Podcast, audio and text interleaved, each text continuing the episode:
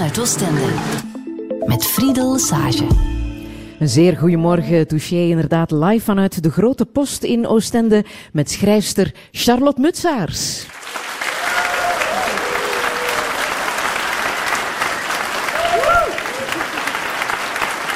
Want hier in Oostende wordt een heel weekend lang de liefde tussen de lijnen bezongen. De liefde tussen Oostende en jou is behoorlijk wederzijds, Charlotte Mutsaars.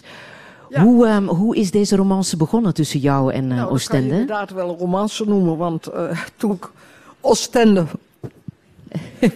voor het eerst zag, uh, was ik met in één klap verliefd. Ik heb het al vaak verteld, maar het is zo'n romantisch verhaal. Ik zal het nog een keer vertellen. Ja, graag. Ja. Nou, we, Jan en ik, mijn man en ik, hadden een enorme fietstocht achter de rug. België, Zuid-Engeland, Frankrijk. En we kwamen met de boot uit Engeland op de terugtocht. S'avonds in Oostende aan, een uur of negen. Weet ik veel. En uh, met, de, met, de, met de fietsen. En uh, toen gingen we bij de, hoe heet het nou toch ook weer, zo'n chic hotel. Uh, en dan werden we meteen geweigerd. en toen zijn we nog wat gaan zoeken. Maar ja, dan zak je de moed in de scho schoenen. Want je zag, we zagen er natuurlijk helemaal niet chic uit en zo. En uh, toen kwamen we op het hazengras. En uh, daar werden we meteen met wijd open uh, armen ontvangen in een hotelletje. En we hadden, we hadden niks door. Het was erg gezellig. Die man zei: zet, uh, zet de fietsen maar in de, in de biljartzaal. En daar hing de kerstversiering nog en alles. Dat was heel bijzonder al. En toen we lagen nog niet in bed, of uit alle kamers naast en boven ons klonk enorme gekerm van seks en zo. En we dachten, we zijn wel in een hele aparte omgeving terechtgekomen. en je dacht, hier blijven we. Dit klinkt zo nou, gezellig. Ja, en s'morgens kregen we een ontbijt met drie eieren, weet je wel. En uh, heel lekker vers brood. Alles helemaal prima. Dus wij waren echt in de superleuke stemming. en uh, toen zijn we... Ja, het was wel zo dat de douche helemaal vol schaamhaar lag. Dat was wel vreemd. Maar goed, dat terzijde. Maar jullie zijn toen, gebleven, toen, dus... Zijn, toen zijn we dus uh, gebleven, we liepen de stad in. En toen gebeurde iets heel vreemds. Wij waren er allemaal, allebei in één klap weg van. En dan kom je uit Amsterdam met zijn 17e eeuwse huisjes en alles, uh, weet je wel. Uh, verantwoord mooi. Nou ja, niet alles. Maar, en al die moderne gebouwen. En het vragen mensen mij nog wel eens. Oh, ben je nou zo gek op Oostende? Die buildings langs de dijk zijn toch niet... Maar ik zou je zeggen, ik vind die, die skyline eigenlijk ook heel mooi nu langzamerhand. Mm -hmm. Ik vind die gebouwen helemaal niet meer zo lelijk. Want je en, hebt hier uh, ondertussen een eigen plek, hè? In, uh, die hebben Oostende? een eigen plek. En uh, nou, toen is het... Toen, toen is het, ja, zijn wij later nog iemand in Parijs tegengekomen. Wij kwamen toen daarna vaak in Oostende terug. En toen zijn we een mevrouw in Parijs tegengekomen die zei dat ze daar woonde en die heeft ons uitgenodigd. En zo is het helemaal gaan rollen, want zij is dan een vriendin geworden. En toen had, was er een, van een vriend een appartement te huur in de Louisa-straat. Dat was ons eerste appartement, daar hebben we ook tien jaar gezeten. En uh, daarna zijn we naar de groentemarkt gegaan, een fantastisch uh, appartement. Uh, huisbaas en huisbazin zijn hier nu aanwezig. Aha. Je kan geen betere verhuurders hebben dan zij. Het is heel gezellig. En uh het mooiste punt van Oostende, de groentemarkt, is voor mij het mooiste punt van Oostende. Ja, kijk, hier spreekt een, een echte Oostense. Spreek je ondertussen Dan, ook een beetje uh, Oostens? hebben wij al na, na een vrij korte tijd... Uh, nodigde uh, Martine Meijeren, die ook hier aanwezig van de dienst cultuur... Mij uit voor ogen en blikken. Martine was dan niet de eerste, het eerste contact. Die tentoonstelling met uh, Erik de Kuiper samen. Ik geloof dat wel. Ja. Ze zegt maar spreek, niet ja. jij, spreek jij ondertussen een beetje Oostens? Ja, dan spreek ik wel een beetje Oostens. Ja, een ik paar heb woordjes. bepaalde uitdrukkingen. Zoals? Uh, ja, waar ik, waar ik dus va vaak zeg, movent toch? Hè? Ja, dat zeg je al heel goed. Hè? Met een gebaar erbij. Ja, met de elleboog in de lucht. En vooral leuk om dat tegen een vrouw te zeggen. Charlotte, ik vraag altijd aan mijn gasten om zichzelf te omschrijven bij het begin van de uitzending. Hoe zou jij je omschrijven? Uh, als een dier tussen de andere dieren. Daar zullen we het volgens mij straks nog Van over, zwakke geslacht. Over hebben, over, over jouw dierenliefde. Dat wordt Is goed. zeker een... eh, Het laatste heb je ook gehoord, hè? ja, ja, dat heb ik gehoord. Wil je daar nu al iets over kwijt? Nee, daar hoef ik niks verder toe te lichten. Oké, dat begrijpen we dan, tussen de lijnen.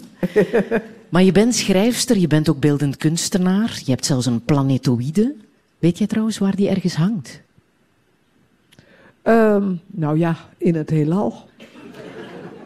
Als je naar de NASA-website eh, gaat en je googelt Charlotte Mutshuis, dan kan je het nummer zien. En als je een hele sterke, hele, hele sterke kijker hebt, kun je zien dat het een buitengewoon interessante planetoïde is. Met een he- echt een hele eigenaardige vorm.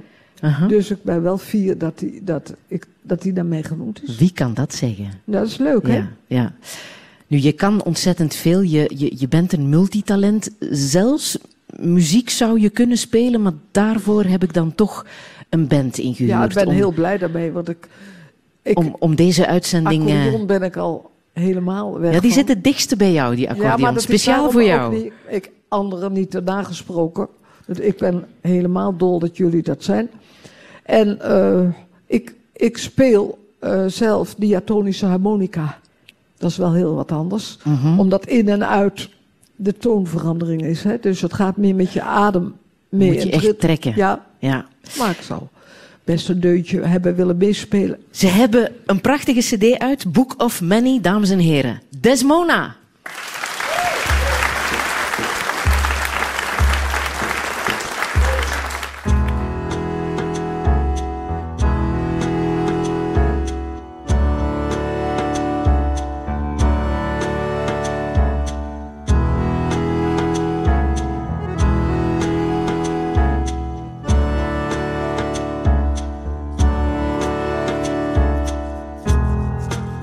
This land left weary.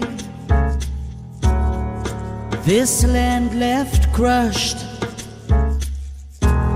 Where longing is heavy.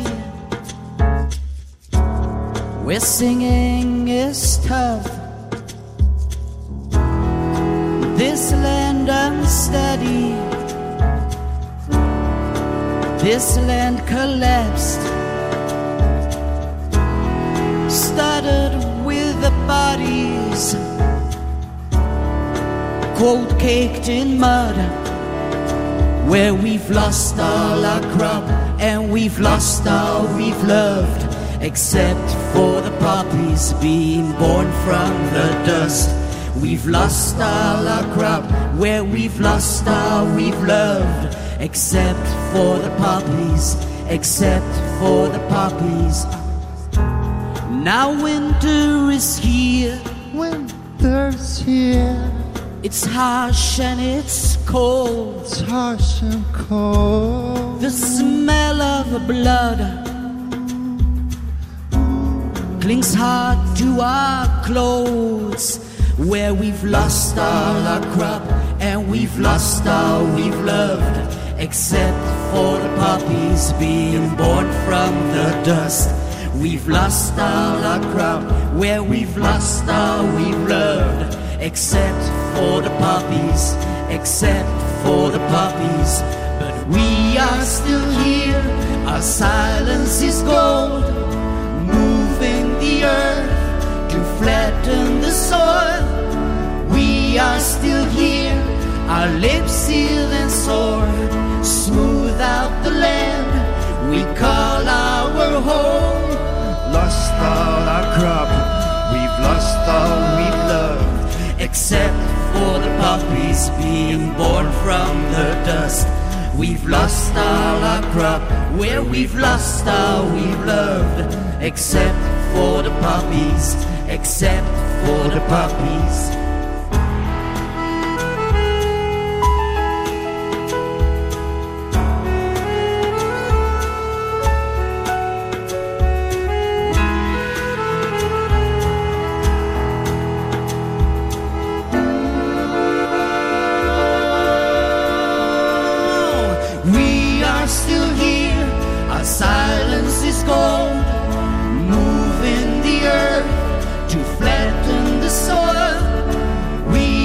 still here, our lips sealed and soft, smooth out the land we call our home. Oh, we are still here, our silence is gold, moving the earth to flatten the soil. We are still here, our lips sealed and sore, smooth out the land we call our lost all our crop and we've lost all we've loved, except for the puppies, they are born from the dust. We've lost all our crop, where we've lost all we've loved, oh, except for the puppies, except for the poppies.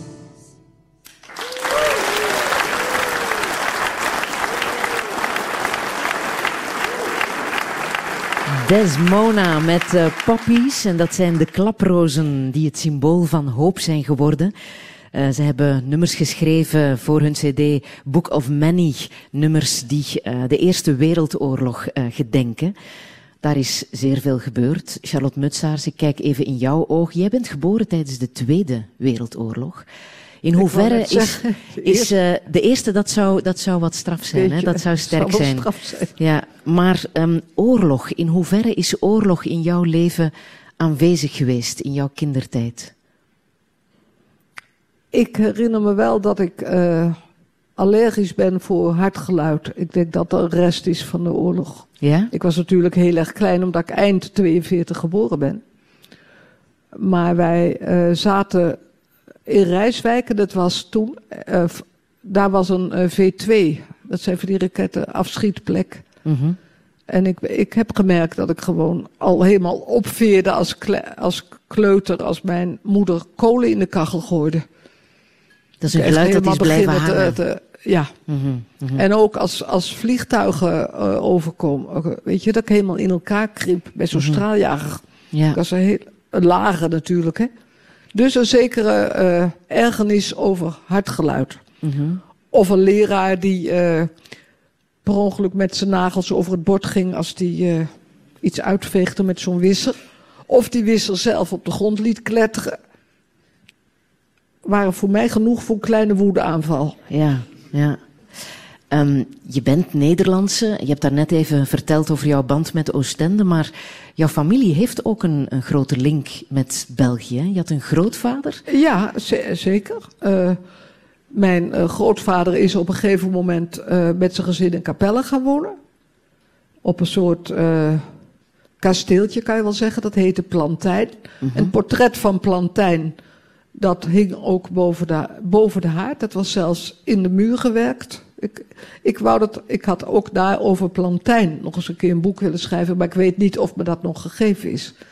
Want het was een wonderprachtig huis met een enorme tuin, moestuin, orchideeënkassen, druivenkassen. Uh, als ik daar als kind binnenreed, voelde ik me, dacht ik, ben een prinses. En jouw grootvader, wat deed hij precies dat hij daar kon wonen? Wat deed hij precies? ja, hij was eerst directeur van de Nederlandse Bank in Tilburg. En uh, toen heeft hij dus een uh, hele wonderlijke erfenis gehad. Althans, ja, dat kan soms gebeuren. Ja, ja dan zit je daarmee, hè?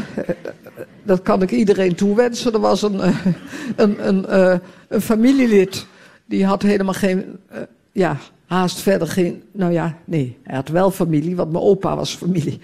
Maar had geen kinderen en zo. Hij stond nogal alleen in de wereld en heeft door een privédetectieve laten uitzoeken welke telg die er dan nog van een familie zou zijn die het betrouwbaarst was en het meest getalenteerd enzovoorts.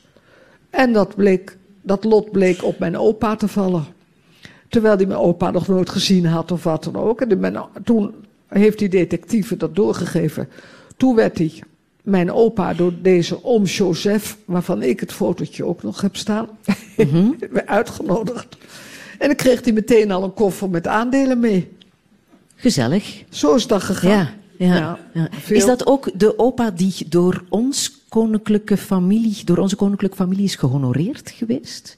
Ja, dat klopt. Want uh, hij heeft, ja, hij heeft een, een ridderorde gehad. Omdat hij uh, in de nacht dat Leopold en Astrid verongelukten in hun auto, dan weet iedereen wel dat drama. bij Kuusnacht, notabene, ook zo'n romantisch woord. Toen was mijn opa uh, toevallig de enige die daar reed achter uh, hen. En die, heeft, die, nou ja, die is meteen uitgestapt en die heeft, die heeft de hulpdiensten verwittigd enzovoorts. En die heeft daar later een orde voor gekregen. Nou is het rare dat toen ik, nou ja, nu een, een jaar of tien geleden of zo, met de Gazet van Antwerpen ben ik Plantijn, dat huis, gaan bezoeken. En pas toen zag ik dat het in de Astridlaan was. Dat vond ik ook zo vreemd toeval. Ja, Of is die laan nou zo genoemd omdat hij er ja. woonde en hij dat gedaan? Dat vind maar ik dat ook was, zo raar. Dat was een enorme shock natuurlijk voor ons land. Hè? Die jonge koningin Astrid die plots verongelukte. Uh, daar hebben wij nog het klankfragment van. Hoe het klonk op de radio. Oh, dat is mooi.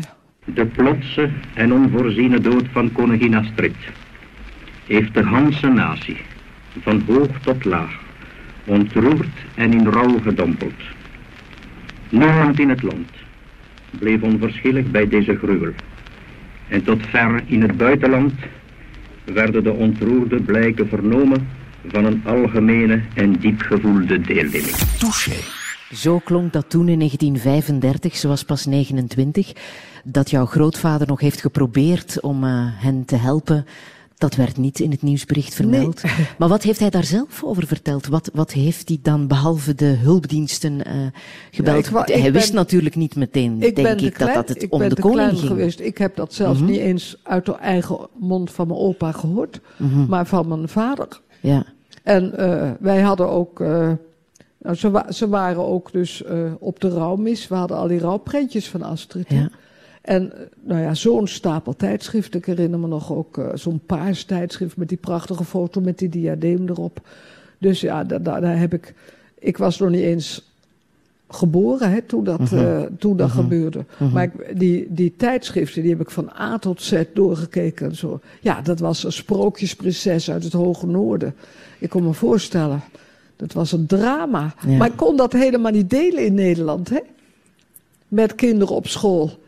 Dat leefde helemaal niet bij, bij Nederlandse nee, kinderen. Nee, dat was echt ons Belgisch Dat voelde je echt. Ik heb altijd wel eerder uh, Vlaamse, Vlaamse gevoeld hoor. Mhm. Dat speelde natuurlijk ook mhm. mee, dat ik meteen een warm bed, dat Oostende mijn moeder mocht worden. Ja. Hè? En dat er hier veel liefde was uh, en is nog altijd uh, voor jou. Ah, nu, maar inderdaad, Leopold en Astrid, dat was ineens het einde van een hele mooie, grote, sprookjesachtige ja. liefde. Ja. Um, als we even naar jouw uh, uh, verleden kijken, was er veel liefde tussen jouw ouders? Heb jij veel liefde gezien? Uh, in, in het begin heel veel. Heel veel. dan ja, was mijn vader echt de ridder die mijn moeder enorm ver, verwende. Ze scheelde elf jaar. Mijn vader was elf jaar ouder. Maar toen mijn moeder dus, nou, ook wel terecht meer emancipeerde en dacht dit en dat. Ik heb ook gymnasium, ik heb ook kunstgeschiedenis een paar jaar gestudeerd. En ik heb moeten ophouden, omdat dat, uh, dat deed je dan als je trouwde. Mm -hmm. En toen meteen had ze op uh, 22 al haar eerste kind. En toen kreeg ze mij ook nog op 25.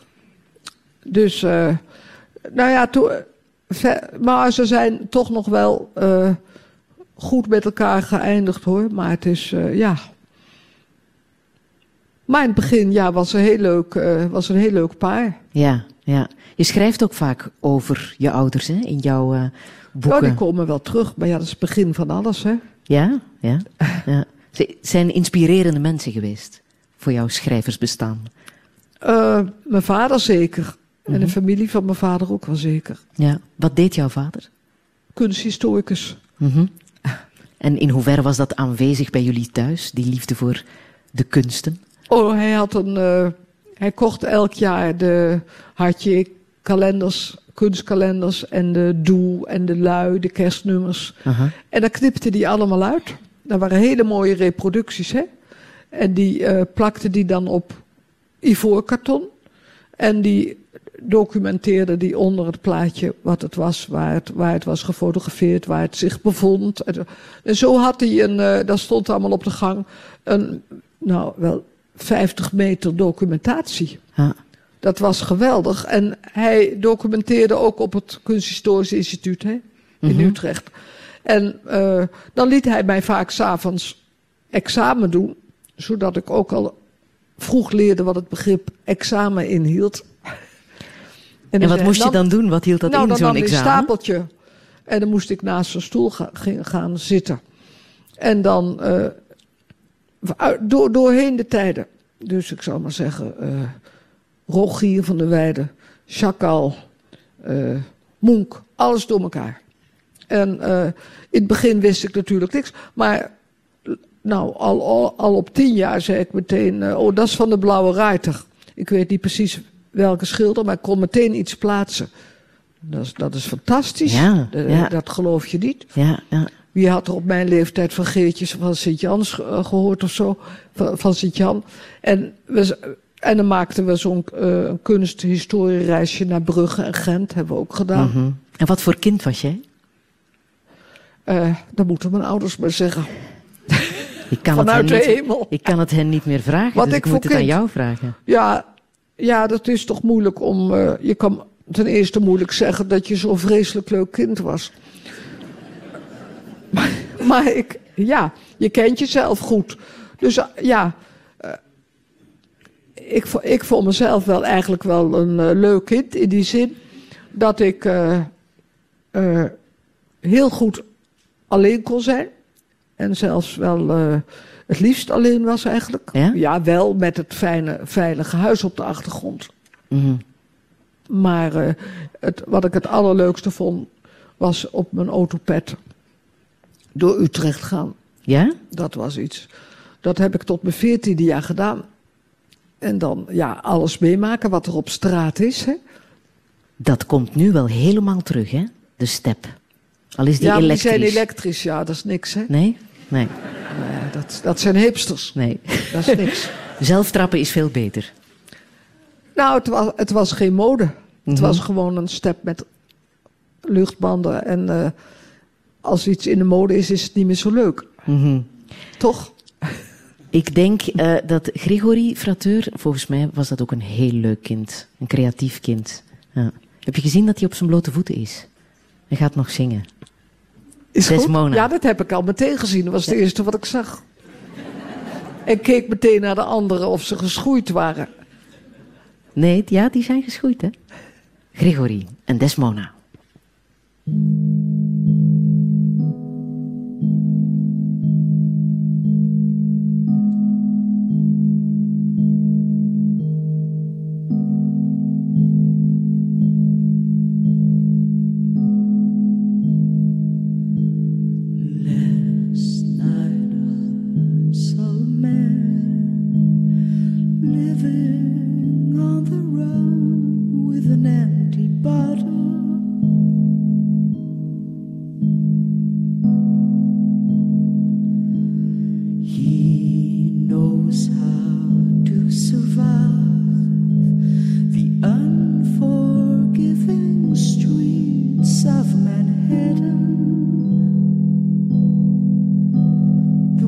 Are in plain sight.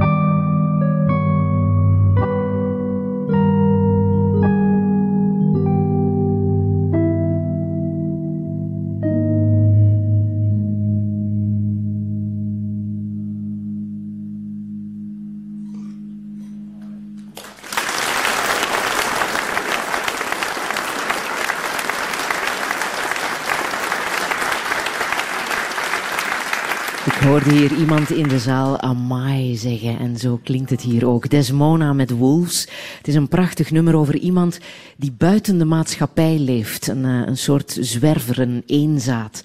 Charlotte Mutsaars, bij dit nummer moet ik ook aan jouw broer denken. Het uh, uh, boek, jouw laatste boek, Een harnas van Hansaplast, gaat over het afscheid van jouw broer. De dood van jouw broer. Um, misschien moet je het begin even voorlezen, want daar zit al meteen heel erg veel van het verhaal over jouw uh, broer in verwerkt. De bril even opzetten. Ja.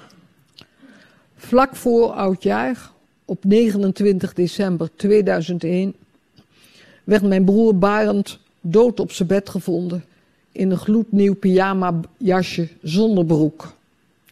Geen gewone dood, voor zover een dood ooit gewoon kan zijn. Hij was pas 51 en slechts omringd door grote stapels porno. Kort daarvoor had ik een krantenbericht gelezen over een man die dood was aangetroffen onderaan een Spaanse rots met blote pik en een kip zieltogend aan zijn voeten. Ook zoiets. Ze zeggen wel eens dat iemand het leven heeft verlaten, maar het ligt omgekeerd. Het leven verlaat ons en meestal niet gracieus. Het sluipt uit je weg zonder afscheid te nemen, vraagt nooit of het schikt en laat je barsten te midden van de shit.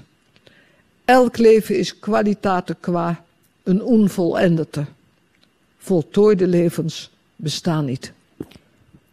De eerste pagina uit Harnas van Hansaplast. Jarenlang heb je geprobeerd om een boek over jouw broer te schrijven, Charlotte Mutsaars, maar dat lukte niet. Hè? Waarom lukte dat niet? Nou, ik was eigenlijk meteen in 2001 al begonnen en het was uh, te vlug daarna. Het is mhm. meestal zo hè, dat je toch beter eerst iets goed nou, kan verwerken of door je, helemaal door je heen kan laten gaan. En uh, nou ja, toen heb ik daar een paar jaar uh, aan geschreven. En toen ben ik later helemaal opnieuw begonnen. Maar zoiets is nooit voor niks. Mm ik zeg eigenlijk nooit dat ik, iets voor, dat ik tijd verknoeid heb of iets voor niks heb gedaan. Het hoeft niet altijd in iets te resulteren. Hè? Dat is een tijd nodig. Hm. Ja. Je, je, omschrijft hem als kluizenaar. Hè? Hoe is het zover kunnen komen met jouw broer? Ik heb geen idee. Daar is niet één moment voor aan te wijzen. Dat was, hij was al uh, als kind een beetje. Uh, ja, wat, wat kan ik ervan zeggen? Ik, ik, ik zou dat niet precies weten. Hij was een nakomertje, dat lijkt mij al niet zo heel geweldig. De posities in een gezin zijn al bezet. Je hebt de ouders. Je had mijn zus. Ik was uh, bijna drie jaar jonger dan mijn zus.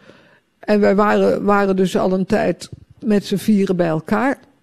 En dan komt er ineens uh, een kleine jongen aankakken. Dat, dat is, lijkt mij ook niet zo geweldig voor zo'n kind.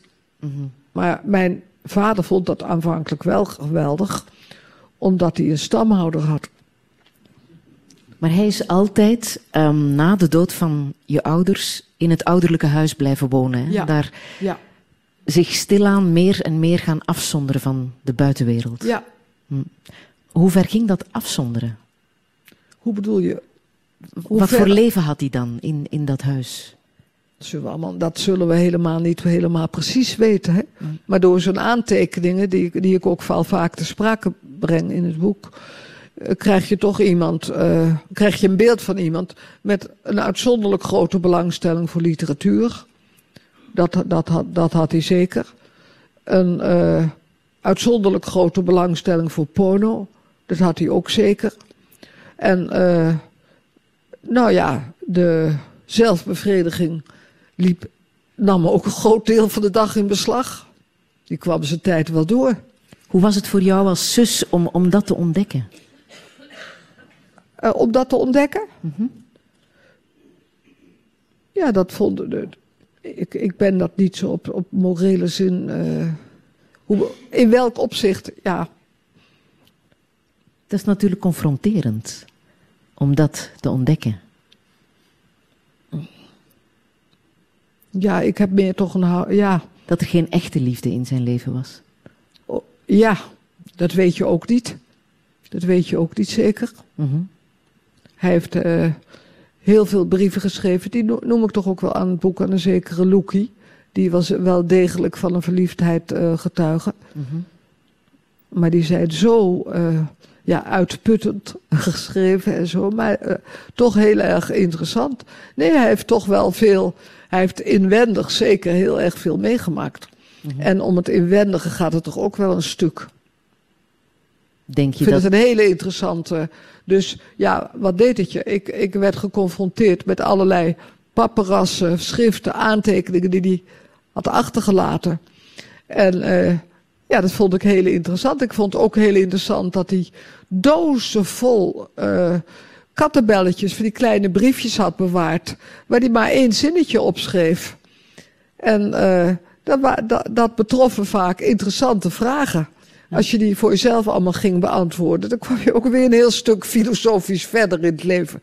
Dus ik, ik, ik vond hem in de eerste plaats toch heel erg interessant. Maar hij had ook een eh, misdadige kant. Hij heeft mijn ouders beroofd. Hij heeft het geërfde zilver, wat voor ons klaar ligt, alvast verkocht aan de buitenwereld. Dat pikte hij gewoon. En dat, weet je wel, het was, hij was nou niet bepaald. eh, hij stal boeken ook. Dus dat was allemaal niet in de haak. Maar dat wil niet zeggen dat het niet een aardige en interessante iemand kan zijn. Ja. ja, tussen die porno zat ook kinderporno. Hè? Daar is heel wat om te doen geweest Ja, in, maar die eh, zat, in de er, pers. die, dat is, die zat er dus in feite niet tussen. Heb ik er gewoon ingezet. Dat is de roman. Ja, het, het, meteen een heel, eh, ja, wat een tijdenleven. Mhm. Ik had niet het idee dat dat enig probleem zou vormen. Ja, ja, dat de pers daar zo zou opspringen. Ja. Ehm, er zit een ander verhaal nog in, in het boek, want Nee, niet de pers. eh, twee collega schrijvers, hè, die hebben het aange... Niemand weet haast hoe het gega- gegaan is. Die zijn erover gaan twitteren en zo. Nee, het is een heel vuil zaakje. Dat is Ja. nou zo'n vuil zaakje. ja, ja. ja, mensen moeten het boek lezen. Tuurlijk. Ja. Ehm, die porno zat eh, verzameld in een kist. Hè? De ontsnappingskist van Hugo de Groot. Dat is in Nederland een bekend verhaal, maar ik denk, ik wil even naar het publiek kijken. Ik kende het niet, de ontsnappingskist van Hugo de Groot. Ik hoor, ik hoor weinig j- Herkenning. ja-woorden. Ja. dan zie je, zie je, ja, dan zie je toch dat Wat, eh, voor, wat voor verhaal is dat? Nederlandse geschiedenis weer en Vlaamse geschiedenis toch Ja. niet één op één is. Hè? Ja. Maar dus Hugo de Groot heeft echt bestaan en heeft in die kist gezeten. Die is ontsnapt. Die, is ons, ons, ons, die zat in ballingschap op slot Loevestein. Dat is nou een heel verhaal. Ja, Maar eh, levenslang. die, is, die is ontsnapt in, en die liet elke keer eh, boeken komen over rechtsgeleerdheid, over van alles. En op een gegeven moment is die zelf in die kist gaan zitten. En is die, die boekenkist ging namelijk steeds heen en weer. Met die boeken waren gebracht en dan ging hij weer terug.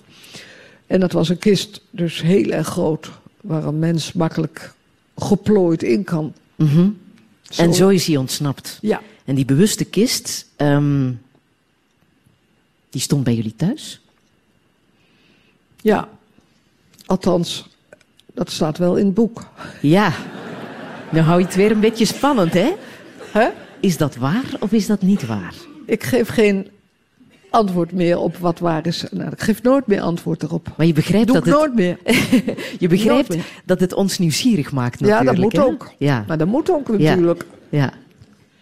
Dus ik mag daar niet verder naar vragen of het echt Ja, zo is. En waar vragen, die kist nu je, is. je mag me vragen, maar dan krijg je geen antwoord op. Want je hebt dat hele huis dan leeggemaakt waar je broer heeft eh, gewoond. Daar stonden nog heel veel Samen met spullen. Ja, Ja, ehm, van, vanuit jouw kindertijd. En Ja. daar stond ook die kist. Dus die kist is ergens naartoe gewandeld. Denk ik dan. ge- niet gewandeld, hè? Die staat, die, die staat ergens op een geheime plek in depot. Aha, echt waar? Daar kan je niet, kan, die is zo groot, die kan je niet in je huis plaatsen. Ja, en die is ook je een wel heel wat groot waard, huis. Hè? Veel musea die zitten daar wel achteraan. Die, Die willen die kist er wel. achteraan. Ja. Er, zal, er wordt bij het Rijksmuseum een hele studie gemaakt over die kist van Hugo de Groot. Want daar staat een replica. Omdat iedereen, om, er, zijn er, er zijn geloof ik er wel 10, 12 mensen die claimen dat ze die kist hebben. Aha. Maar er is maar één gezin die die kist echt had. Ik zeg niet welk gezin dat was. Voilà, zo is de spanning toch zeer goed opgebouwd en moeten mensen gewoon Harnas van Hansaplas lezen. Heel graag. Ja, ik denk dat dat goed gewerkt heeft, ja, op deze manier. Dames en heren, Desmona.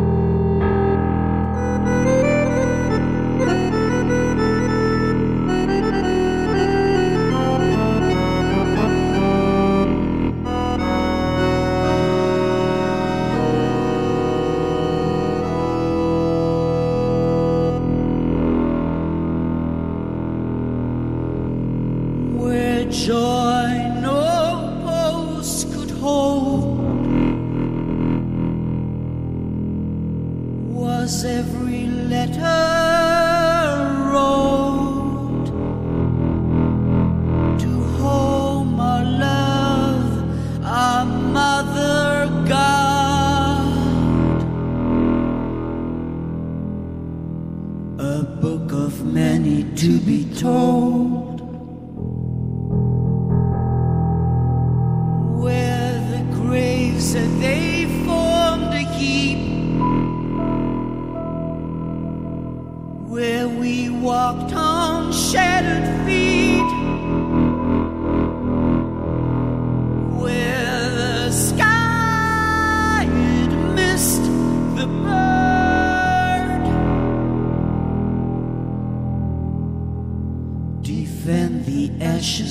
Our creed.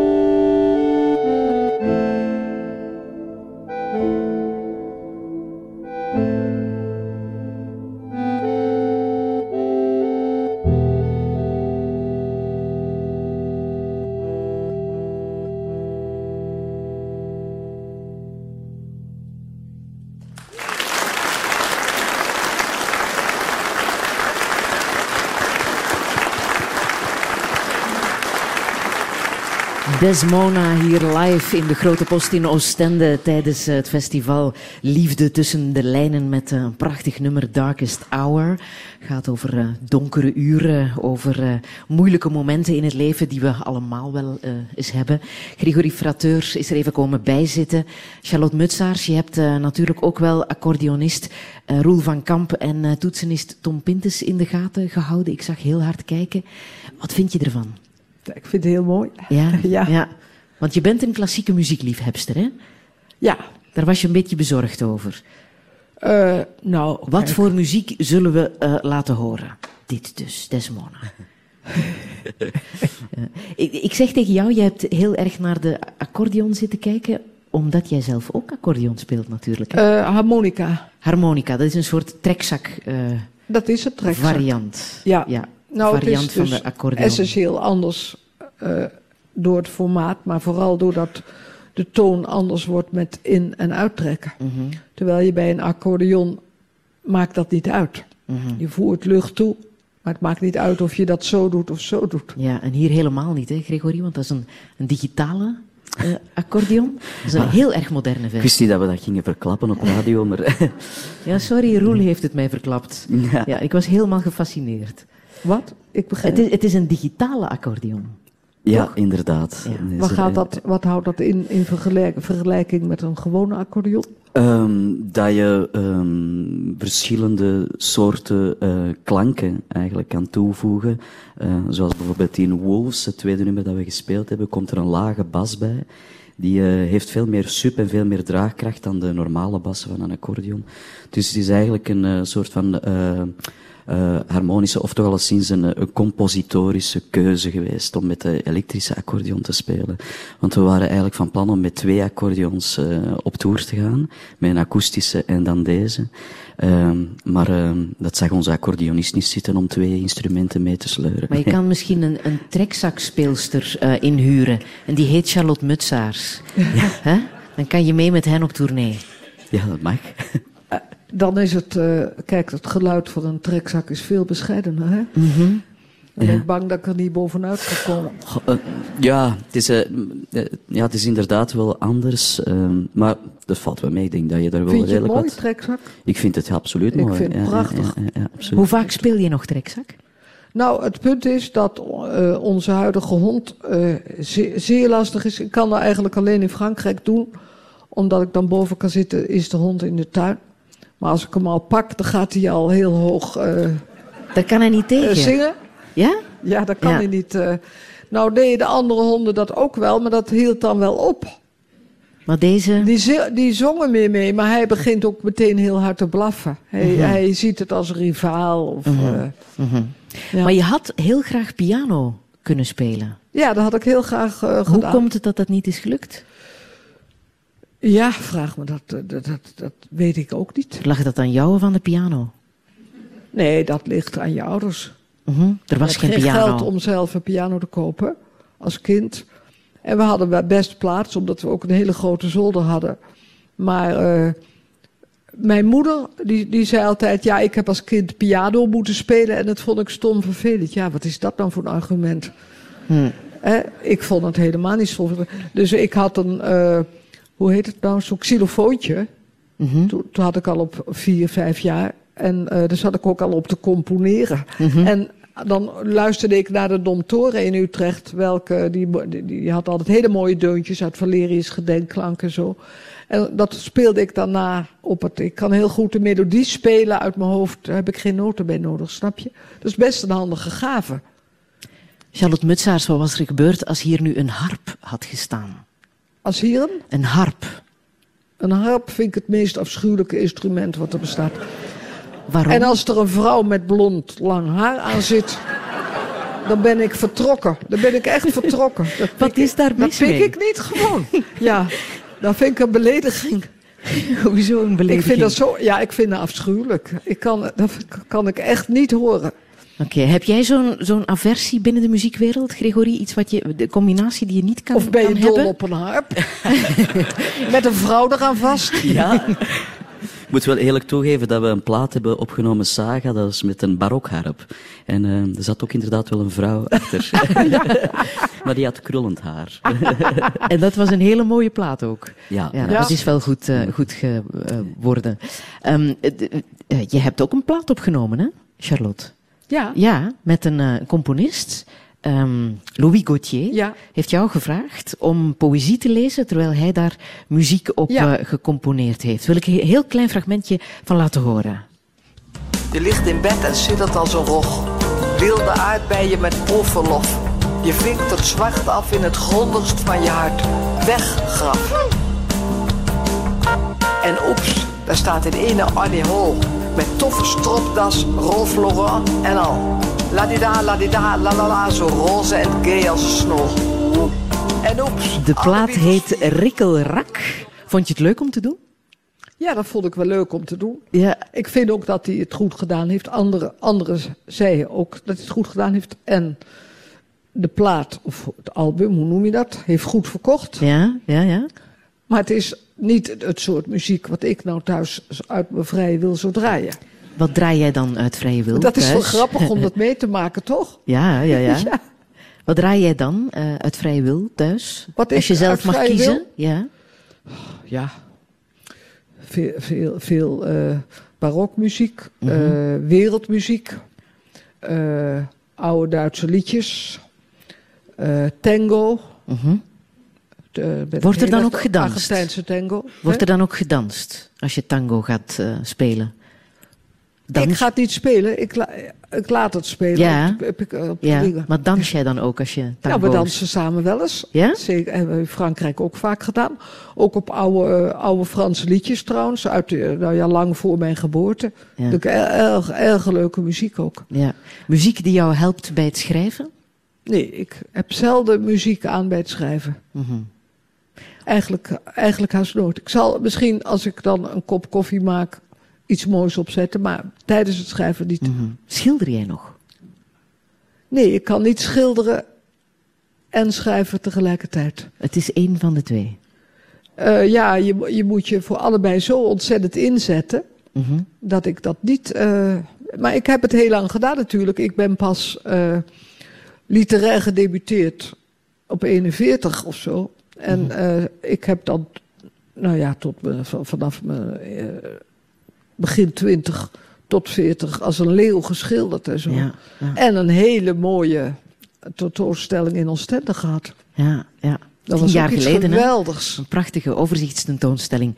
Ik wil even de, de hoes van de cd van eh, Desmona eh, laten zien. Gregory, het is een, een werk van een kunstenaar, hè? Ja, het is een eh, werk van de Iraans-Belgische kunstenares Mariam Nasht. En eh, zij heeft twee portretten geschilderd Ja. eh, toen dat zij het album hadden gehoord.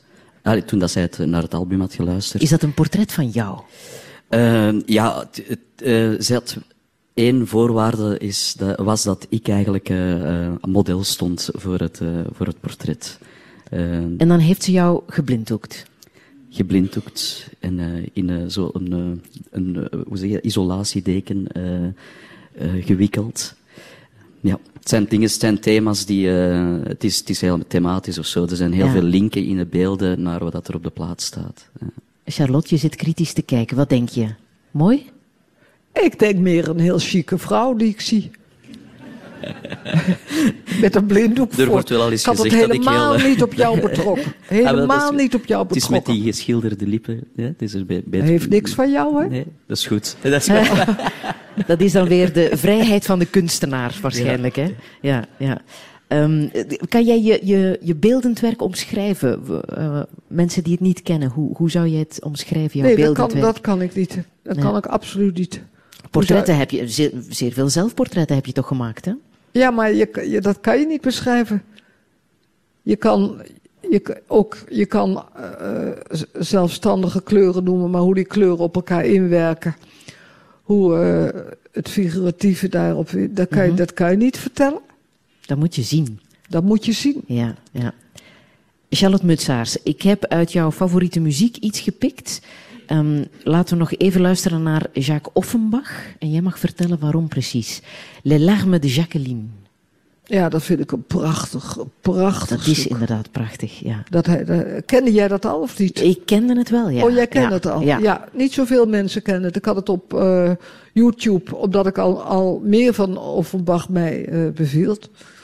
Eh Au ciel ook. Ja, dat is ja. ook geweldig. Dat is ook iets voor liefde langs de lijnen. Absoluut. Maar dat is, ja, en ja, dan zie je, dat vind ik nou heerlijk. Gewoon Ja. met mijn iPad zitten en dan op YouTube eh, van alles eh, draaien en Ja, kijken. gaan even luisteren. Ja, dat is ook een prachtstuk.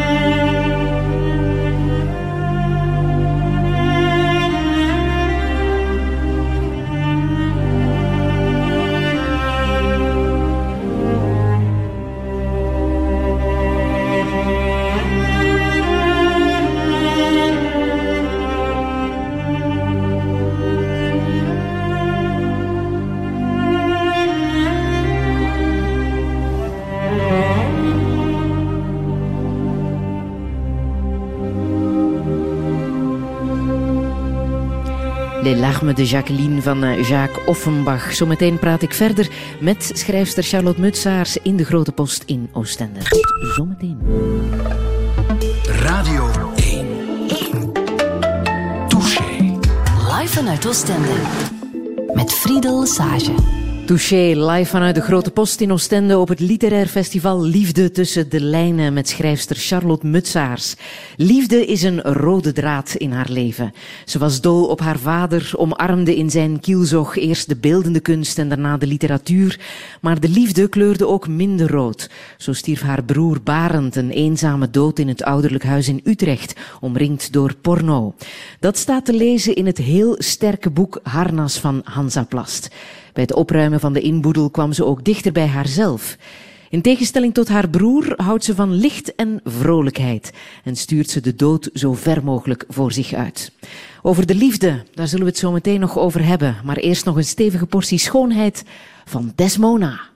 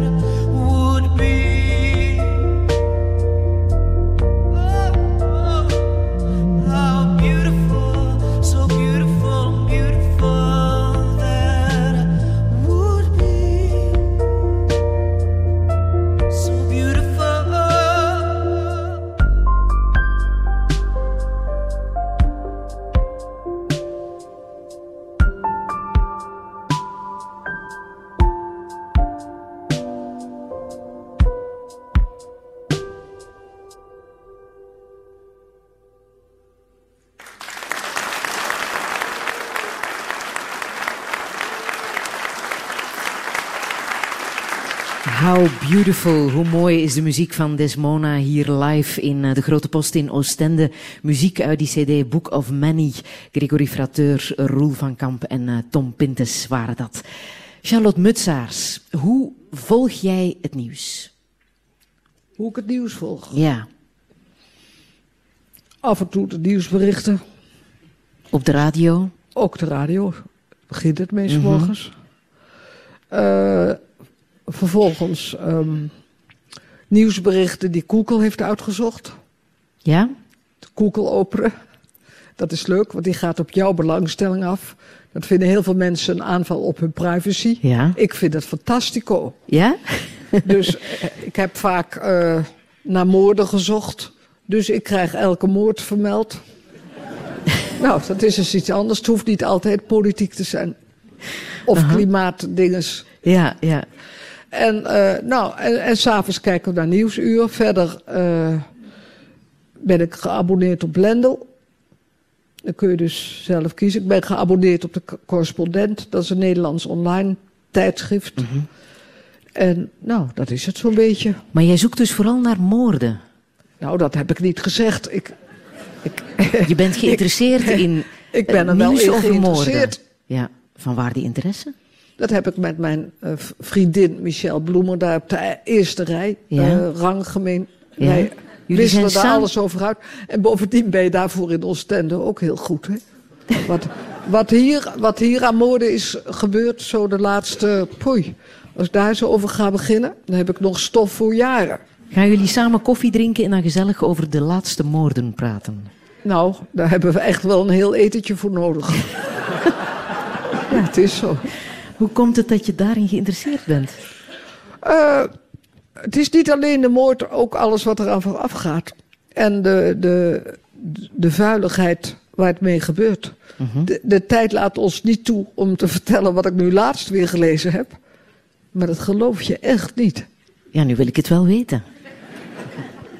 Een vrouw komt uit haar werk en meteen, ik zal het vlug vertellen, duikt er een vent met een roos op. Die zegt voor jou. Maar dan moet je wel nu met me meegaan, geblinddoekt in de auto, want iemand heeft een surprise party voor jou. En die vrouw, die is gescheiden geweest, maar juist weer bij de man terug en dat is helemaal koek en ei en liefde, liefde langs de lijnen. helemaal goed. En die denkt voorop, dat heeft mijn man georganiseerd. Begrijp je? Hoe leuk. Ze gaat ze bij die onbekende in de auto, geblinddoekt. Ze vindt wel dat die rit verdomd lang duurt. Heuvelig. En dit, waar, word ik naartoe gebracht? Op een gegeven moment zegt die man, we zijn er. Ze staat in Nowhereland. Er staat wel één schuur. En dan zegt die man, ik ben weg. Ik zie je hè? En, eh, nou, die, die, die vrouw staat daar. Die heeft blinddoek af. Die denkt, wat nu? Het feest zal er toch, hoe zal dat feest hier eraan komen? Vervolgens knars gaat de deur open van die schuur. Daar komt de vroegere minnares van de man naar buiten. Die heel jaloers is dat zij nu weer bij de man is. En die slaat er met een bijl helemaal kapot. Jezus. Hoe vind je zo'n verhaal? Ik wou dat het enkel een roman was. Nou, het is fantastisch om zoiets te lezen, omdat het je kennis geeft. Alles is mogelijk en eh, wees ook vooral niet te goed van vertrouwen. Een man met een roos, Nou, dat kan heel leuk zijn. Maar eh, maar niet altijd. Niet het altijd. maakt wel indruk, dat verhaal, hè? Ja, ik ben er even stil van. Ik denk het eh, Juist. publiek hier ook. Want eh, ik, Ik wou dat ik het bedacht had. We waren begonnen over, over het nieuws. Ik had helemaal niet verwacht dat je dit zou zeggen. Ik dacht, we gaan het hebben over een, een leukigheidje, nou ja, een, een klein nieuwsfeitje in Nederland. Zal ik het toch maar laten horen, wat mij was opgevallen en wat jou misschien Nou, kan interesseren? Ehm, in, in Rotterdam verdwijnt de blanke man uit het straatnaambeeld. Dat heb je misschien eh, gehoord. Eh, straatnaambordjes ja, mogen niet meer genoemd worden naar blanke mannen. De nieuwe straatnamen zullen voortaan vrouwen en minderheden zijn. En dit was de reactie in Nederland. Ja, ik ben niet mee eens natuurlijk. Ik bedoel, eh, waar, waar houdt het op? Wel gelezen, ja. Weer zo'n eh, ja, weer zo'n nieuwigheid. eh, alles moet anders tegenwoordig eh, door een kleine minderheid. Ik ben er helemaal tegen. Ik vind het wel terecht. Ja. Waarom? Nou, gewoon. Eindelijk worden de vrouwen ook een keer ergens voor eh, benoemd, hè? Touché. Alles moet anders. Geen blanke mannen meer in eh, het straatbeeld, letterlijk dan. Eh, geen straatnaambordjes. nieuwe straten mogen dus niet meer naar blanke naar blanke mannen, genoemd worden. Wat Ja. denk jij dan, Charlotte Mutsaars? Wat ik hiervan denk? Mhm. Te belachelijk voor woorden. Mhm. Ik eh, moet er niet eens op ingaan. Maar Mhm. ja, het is... Ja, als, wat, als ik daarover begin, over dit soort dingen... Dan, eh, die vijandschap te- jegens de blanke man... dat neemt gewoon krankzinnige vormen aan. De hele cultuur in Europa is aan blanke mannen ongeveer te danken. Een paar vrouwen uitgezonderd. Dus daar kunnen we niet dankbaar genoeg voor zijn. Eh, Nou ja, laten we daar maar over ophouden, want dit, is, eh, dit maakt mij razend. Nochtans, diversiteit is wat we zien in het straatbeeld. Hè? En daar willen ze meer oog voor hebben, meer aandacht aan besteden. Straatbeeld zegt niks, hè? Nee? Nee, natuurlijk niet. Wat zie jij dan in het straatbeeld? In Amsterdam. Of hier in Zwijg. Oostende? Nee, Hier is dat heel gezellig, ja. Ja. Hier een goed straatbeeld. En in Amsterdam dan? Minder. Waarom? Ja. Waarom?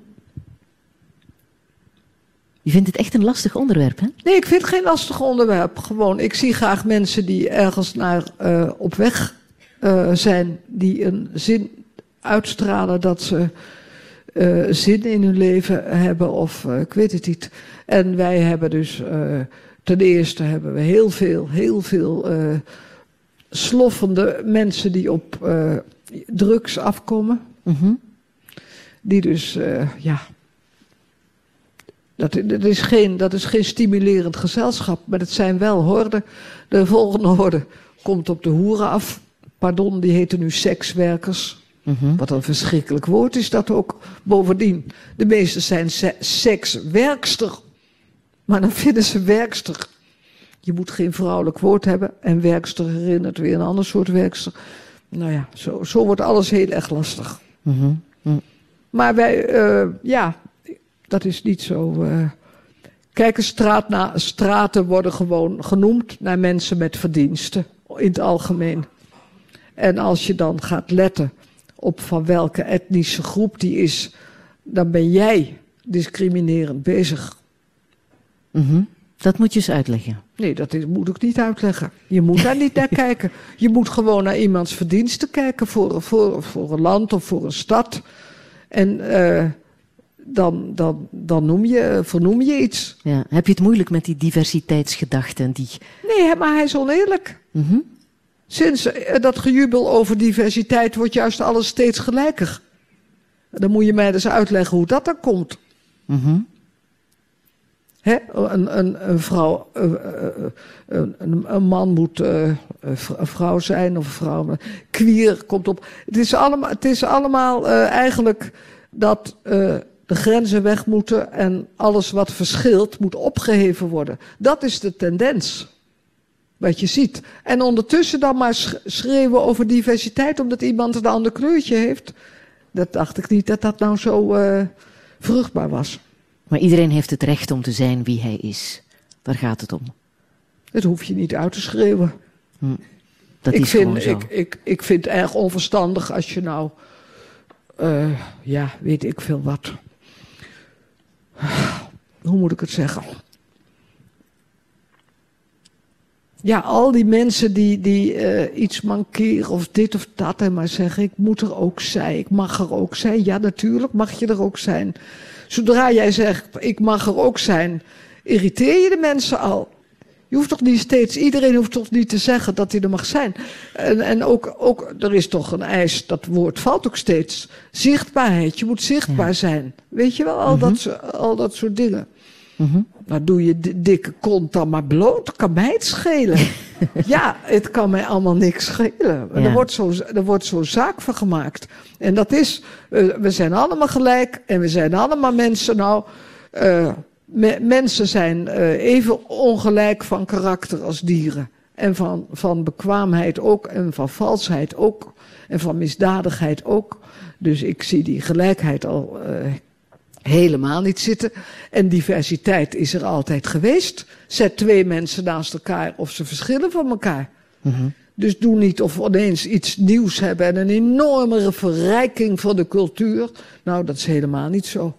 Wil jij later een straat naar jou genoemd hebben? Oh, dat vind ik prima. De Charlotte Mutsaarstraat. Ja, natuurlijk. Ja, dat vind ik hartstikke leuk. In Oostende dan- of in Amsterdam? Nou, Oostende is nog een grotere eer natuurlijk. Voilà, dat is dan genoteerd. Maar dan zal ik eerst moeten naturaliseren, denk ik. Dat zullen we nog even navragen. Ja.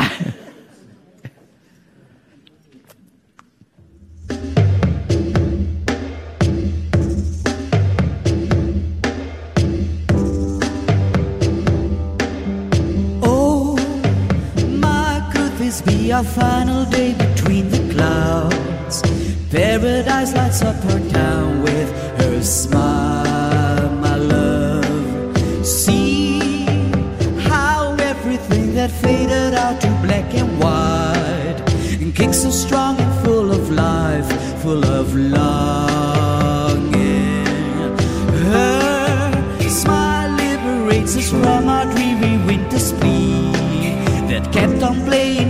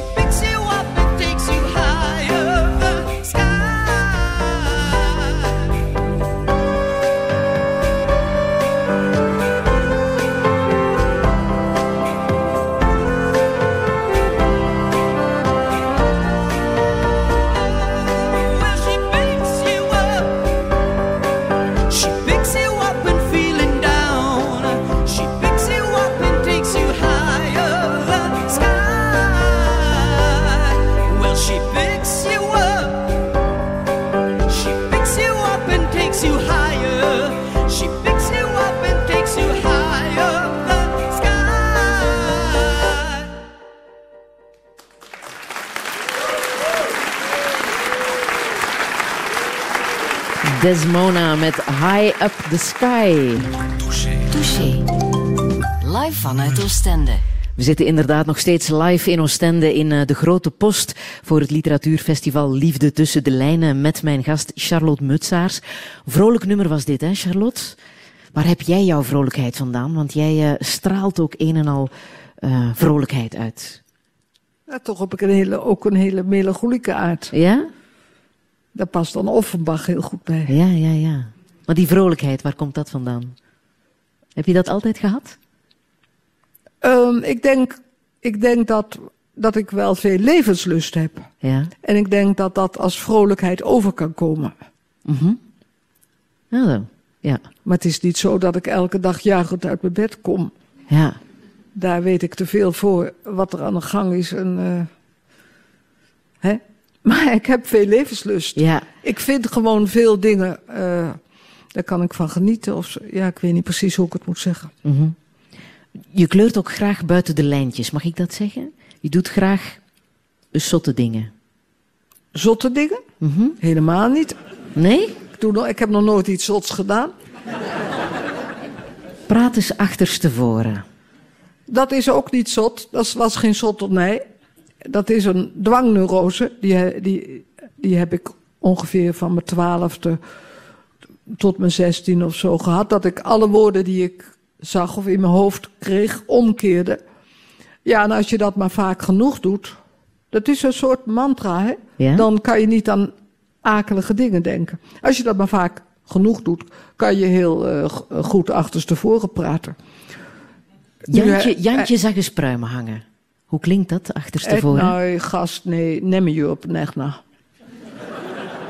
Dat kost mij geen enkele moeite. O, als eieren zo groot. Osla neeri os. Geweldig, hè? Ja, dat, dat, dat is helemaal niet moeilijk. dat is voor mij helemaal niet moeilijk, natuurlijk. Ik ben daar echt een kei in. En op zichzelf, ik vind het niet zot, want het had best een zin. En, maar ik, uh, ik, ik vind het ook wel leuk om zo hard op iets te trainen wat voor niemand nut heeft. Alleen voor jezelf? Ja, maar daar, eigenlijk, is dat, eigenlijk is dat bij schrijven en iets moois maken ook zo. Uh -huh. je, je, doet het, je doet het toch eigenlijk voor jezelf. Ja. Hoe belangrijk is spelen met de hond voor jou? Oh, dat is heel erg belangrijk. Voor mijn man ook. We spelen, we, we besteden heel erg aandacht voor we nou hier naartoe gingen. Want dat is natuurlijk niet zo leuk dat hij s'morgens alleen moet blijven. Hij heeft mijn man ook flink met de bal uh, door het appartement gerold en zo. Ja. Hoe heet hij, de hond? Pieter. Dat is niet echt een hondennaam, hè? Pieter. Ja, daar heb je gelijk in. Waarom heet hij Pieter? je bent ironisch, hè? Nee. Ja. Waarom Pieter? Ja? ja, maar dan kan je... Dan, ik vraag ook toch niet hoe je, waarom jij Friedel heet. Dat moet je aan mijn ouders vragen. Die kan je, trouwens in daar de kan, zaal. Ja, daar kan je geen antwoord op geven, toch? Ja. ja, tenzij het de naam uit de familie is. Maar ik heb geen honden in mijn familie. Dus nee.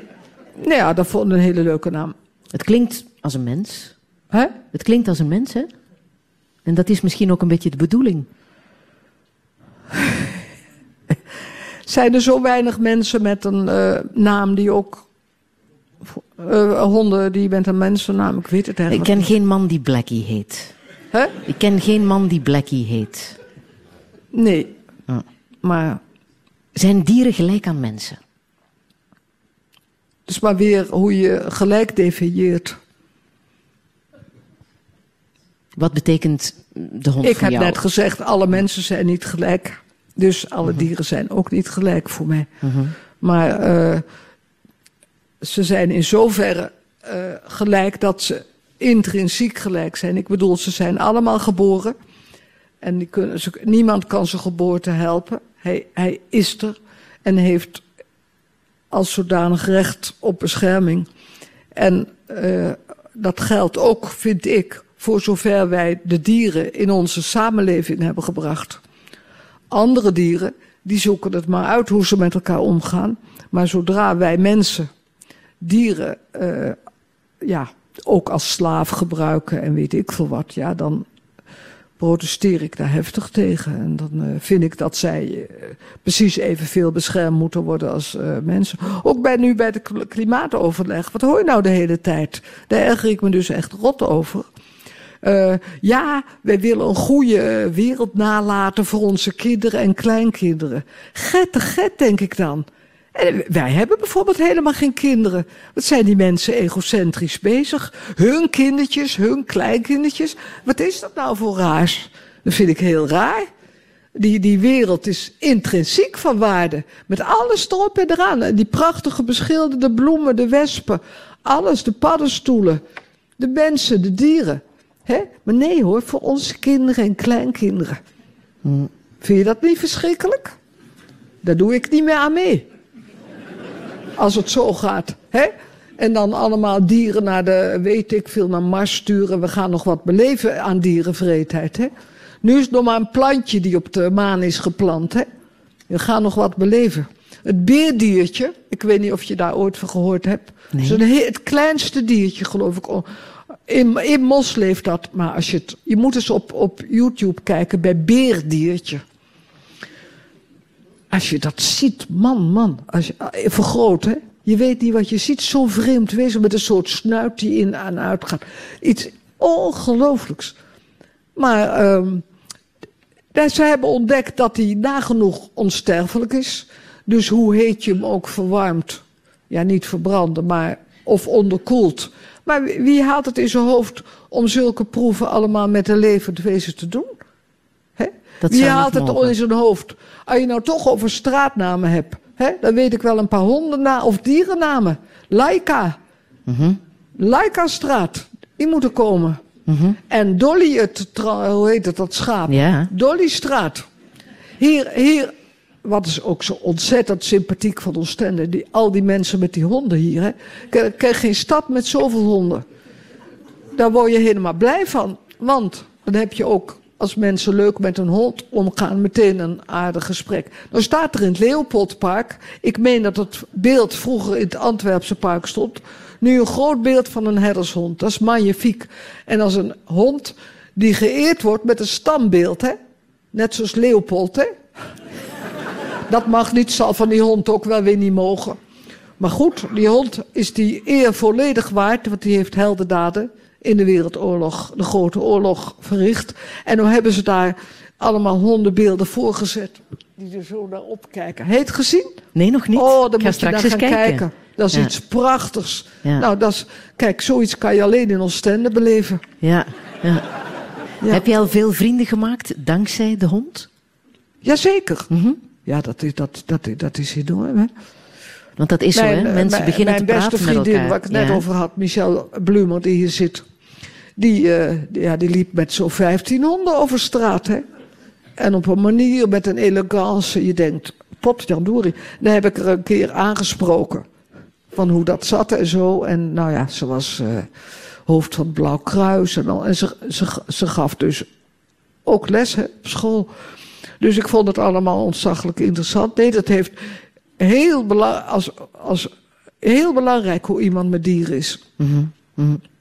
Ehm, dieren zijn, zijn, zijn dat een beetje de vervangers voor de kinderen eh, bij jou? Of dat is gaat het daar niet traditioneel denken. Dat is Nee, traditioneel dat is te denken. traditioneel. Aha. Dat is, Ja. ja, dan ga je ervan uit dat dat, dat is normaal. Mijn man en ik hebben gewoon nooit een kinderwens gehad. Ja. En eh, ja, dat komt ook voor, hè? En wij, ja, wij vonden honden wel zo vreselijk leuk. Nou, dat is ook heel veel werk en verantwoordelijkheid hoor. Wat we daar allemaal niet voor gelaten hebben. We- Maar wij, wij hebben al, denk ik, nou, wat zal ik zeggen, in geen 40 jaar in een vliegtuig gezeten. Dat is pas goed voor het klimaat. Ja, precies. En geen kinderen nemen is toch beter voor het klimaat. Je bent een heel goede leerling. Hoe hou je het kind in jezelf dan wakker? nou, juist hè. Je krijgt geen concurrentie. nee. Dat is waar. Ja. Ze zeggen altijd, eh, kinderen maken heel jong. Nou, maar ik denk het niet. Want eh, ja, dan krijg je allemaal commentaar van dit, dit niet leuk of dat niet. Nou, weet je, nee. Eh, dat hebben wij allemaal niet. Observeer je wel eens mensen met hun kinderen? Hè? Observeer je wel eens mensen met hun kinderen hier Ja, in Oostende? ja. Wat zie je dan? Wat valt jou dan op? Nou, ten eerste vind ik kinderen, leuke kinderen vind ik ook heel leuk. Dat ik dat voorop zet, want ik ben helemaal niet anti-kind of zo. Ik vind, ik vind leuke kinderen enig. Maar in Amsterdam zie je die niet zoveel meer. In Oostende worden ze veel beter opge- opgevoed, dat moet ik echt zeggen. Echt, dat is zonder meer waar. Eh, het jammer is alleen dat ze eh, nu door hun ouders veel kinderen opgefokt worden in Oostende tegen de meeuwen. En daar moet ik natuurlijk en achter de duiven stampen. Ik, dat heb ik vroeger nooit gezien. Dat was, dat was in Utrecht ook, waar ik opgegroeid ben, ook nooit. Iedereen voerde gewoon duiven in de, in de, in de winter en zo. Dat is, opeens is dat ook. Ik denk dat het een soort eh, Amerikaanse hysterie is of zo. Wij hadden ook een Amerikaans familielid, die kwam bij ons een keer op bezoek. Er waren twee vliegen in de keuken. en Die, die vrouw kreeg gewoon een toeval. En eh, weet je wel, waar is de spuitbus? En ik ben je helemaal besodemieterd. Dat, wij, wij doen daar niet aan. Aan dat, aan dat doden en killen en dat steriele gedoe van jullie. Ja, maar dat is gevaarlijk. Als mensen dieren uit gaan sluiten en zo, dat is pas gevaarlijk. En slecht voor het klimaat. Hm?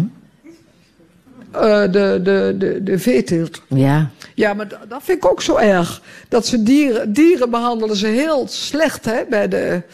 eh, de- ik bedoel, in de, in de megastallen en met het vervoer naar Italië en zo. En dat ze dan ineens mensen zeggen, ik eet geen vlees meer... voor het klimaat, voor mijn kinderen en kleinkinderen. Denk eens een keer aan het leed van de dieren. Nee, dat is ook een goede reden.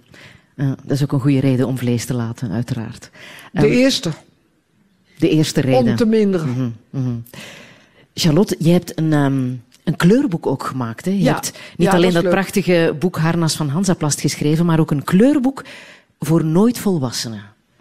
Want ook Dat nooit heeft, volwassenen nou, mogen mijn- kleuren. Ik heb een hele leuke eh, jonge uitgeverij, ben ik nu bij. Dat mag. Ja, en eh, die hebben dat voor, om, omdat ik 75 werd vorig jaar, hebben die dat eh, voor mij als cadeautje gemaakt. Dat is hun titel, hè, wat ze erop hebben gezet. Ja. Dat heb ik niet bedacht. En dat zijn jouw werken die, die wij nu mogen inkleuren. ja, Wij die hebben, zij, zij hebben schilderijen van mij grafisch gemaakt, of hoe moet ik het zeggen, lineair opgelost. En ik heb al gekleurd. Ja, ik, zie, ik dat jij aardig kan Ja. kleuren. Ik heb al een eerste schilderij van Charlotte Mutsaars ingekleurd. Ik vind dat goed gedaan. Maar waarom, Heel leuk. waarom wou je, dit, wou je dit maken met de uitgeverij? Omdat Nee, wij, zijn wij nee, te ik ernstig, zeg de net. volwassenen? Ik zeg net, Mhm. wat zei je? Zijn wij te ernstig, de volwassenen? We denken Nee, dat we ik dat zeg niet meer net, mogen. die titel is van hen. Ja, Dus die, Leuk. die heb ik er niet op gezet. Ik vind mezelf hartstikke volwassen. Eh, maar ik vind het een heel erg leuk boek. En Ja. zij hebben dat voor mij gemaakt voor mijn verjaardag. ja, dat was... eh, Dus niet waarom heb jij dat gemaakt? Zij hebben het voor mij gemaakt. ja. Maar we zijn misschien ook een beetje te ernstig als volwassenen. We moeten misschien wat meer nou, kleuren. ik vind mezelf niet en buiten de lijntjes Ik- kleuren. Ik ben ook heel ernstig. Ik vind, ik vind mezelf niet. eh, ik vind ernst heel, een heel goed ding. Mhm. Als het maar. eh, als de nieuwsgierigheid er maar bij blijft. Begrijp je? Ja. Ernstige nieuwsgierigheid. Ja, dat je, mooie. dat, je, dat je. Ik wil graag alles weten. Ik wil graag weten wat er achter de dingen zit en zo. Ja. Mhm.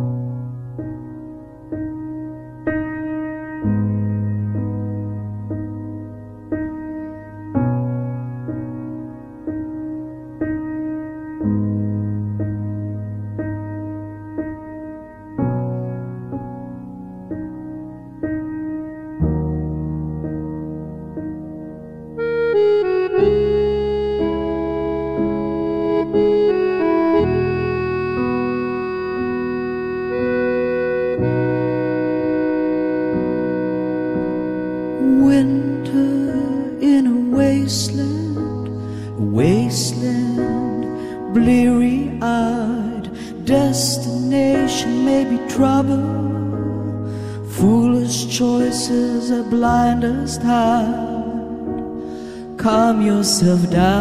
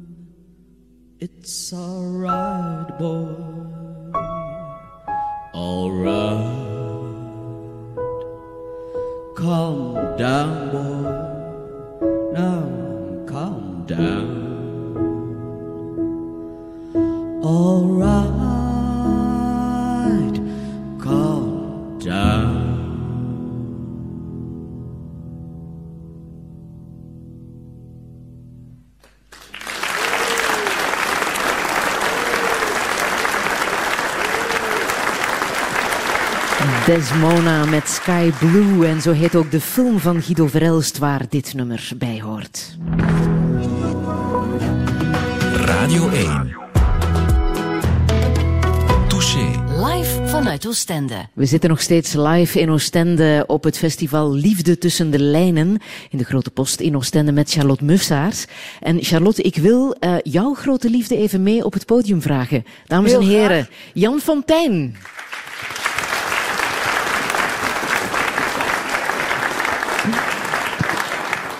Dag Jan, en ik moet jou ook meteen proficiat wensen, want jij was gisteren jarig. Hoe, oud, jarig. hoe oud ben je geworden? 83. 83, dames en heren. En hoe hebben jullie dat gevierd? Sorry. Hoe hebben jullie dat gevierd gisteren? We hebben het he- heerlijk gevierd met een aantal Oostense vrienden eh, in het restaurant. Ja, Ja, ja, Het was een goede en fijne avond, mag Het was een heerlijke avond. Ja, Ja, ja. ja. Super. Ja. Is, het, is het Charlotte die jou zo jong houdt, Jan? Ik denk het wel ook een beetje. Ja, ja zeker. Ja, Hoe doet ik- ze dat? eh, door eh, me bij de les te houden. Ja, ja, ja. Elke dag weer? Huh? Elke dag weer? Elke dag weer, ja, nou ja, ik heb, ik heb ook wel eens dagen eh, dat ik alleen ben. Ja, zij gaat eh, dikwijls zo een uur of eh, tien s morgens naar haar atelier toe. En dan blijf ik alleen terug en dan blijf ik thuis. En dan, dan komt ze tegen een uur of vier met de hond weer terug. En dan zijn we weer gezellig samen. Ja, en het is een, het is een, ja, een wijze van leven die ik... eeuwig zou willen laten duren. Ja. Ja, ja. Hoe zijn jullie in elkaars vaarwater terechtgekomen? Nou, dat is, heel, dat is heel erg leuk. Ik was, ik was eh, net gescheiden, ik was 25 jaar. En eh, toen liep ik nog, toen was ik kandidaatassistent op het Instituut voor Nederlandistiek. En Jan was daar docent. Ik had hem daar nog niet leren kennen hoor. En, eh, maar toen hoorde, hoorde jij dat ik eh, vrij was, hè? Ja, ja ik, ik, eh, ik zie nog het moment dat ik. eh, eh, dat ik. zo, ze was toen de, aan de zee geweest en ze had. om haar, de, scheiding van, met haar man, om dat weg te werken. En ze kwam helemaal gebruind en kwam ze terug. En ik zie haar nog bij het instituut bij ons van de trap afdalen. Met die eh, mooie, slanke benen van haar, helemaal gebruind. En ik werd stapelverliefd op dat moment. En ik, eh, omdat ze gescheiden was, mocht ik vragen... Zullen we een keer gaan eten samen? Ja, Dat was wel zo leuk. Hè? Dat, daar hebben wij het steeds over. Want we kijken allebei heel graag naar First Date. Hè? Ja? En, eh, ja, dat is echt, echt geweldig als je mensen wil le- leren kennen. Ja, ja. Ze, ze weten natuurlijk wel een beetje dat ze op de televisie zijn, maar goed. Maar wat, hè, wat, hoe, dan zeggen we altijd hoe leuk wij het hadden. Jij nam mij mee naar restaurant Doris. Nou, we zaten meteen eh, eh, enorm leuk gesprek en zo. En nu, en als je ze dan ziet, als je first date ziet, dan denk je me, oh, hoe kunnen mensen eigenlijk nog praten met elkaar? als, je de- als je ziet hoe dat gaat. En ook dat mensen zich van tevoren ofwel heel erg gaan opblazen, van, van ik ben fantastisch, of heel erg debunking zijn over zichzelf. Ja, de mensen willen mij eigenlijk niet graag of zo. Weet je, je maar het is een fantastische uitzending. Heb je wel eens gezien? Nee, nee, nee. Ik ga, Nee. Ik, ik ga vanavond ga ik het al maar wij opzoeken. hadden het dus heel erg leuk meteen. Ja. We zitten hier op het festival Liefde tussen de lijnen. Liefde, ik kan het aan jullie vragen. Wat, wat is dat eigenlijk, volgens jullie? Jan. Ja. dat is. eh, ja, ik zie je graag. Ja, ja dat, is, eh, dat is het eigenlijk. Ja, gewoon. Ja, dat is de mooiste uitdrukking Ja, eigenlijk. ik zie je gerne. Ja, ja. Ik zie je gerne. Ja, Ja, ja. ja. Ehm, je hebt ook net een boek uit, hè? Moederskinderen. Ja, dat Ja, is dat net, is dat. net Ja. twee dagen geleden is dat verschenen. En het, is, het heet Moederskinderen, ja. ja. En Het gaat ik, ook over liefde, hè? Liefde tussen dat gaat, ja, dat gaat en over, zonen. die hele, over moeders en zonen en de wijze waarop eh, die op elkaar reageren. En ik, eh, ik heb dat, eh, mijn eigen biografie, mijn eigen relatie met mijn moeder als uitgangspunt genomen. En, eh, En hoe was die?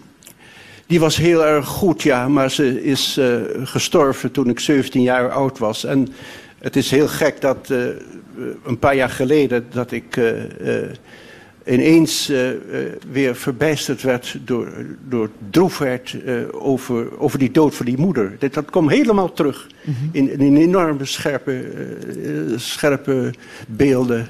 En ik, dat is eigenlijk het uitgangspunt geweest voor het schrijven van dit boek. Ik heb, ben nagegaan hoe bij andere schrijvers en eh, eh, de relatie met de moeder is geweest. Ja. En ik heb daar eh, voorbeelden van gegeven. En die, dat is volgens mij een van de meest intense relaties die er bestaat in de wezenwereld. Ja, Ja. ja. En wat heeft jou het meest geraakt in, eh, in jouw eh, zoektocht naar die liefde tussen zonen en moeders? Nou, dat, dat was met name dan de, de dood van mijn moeder.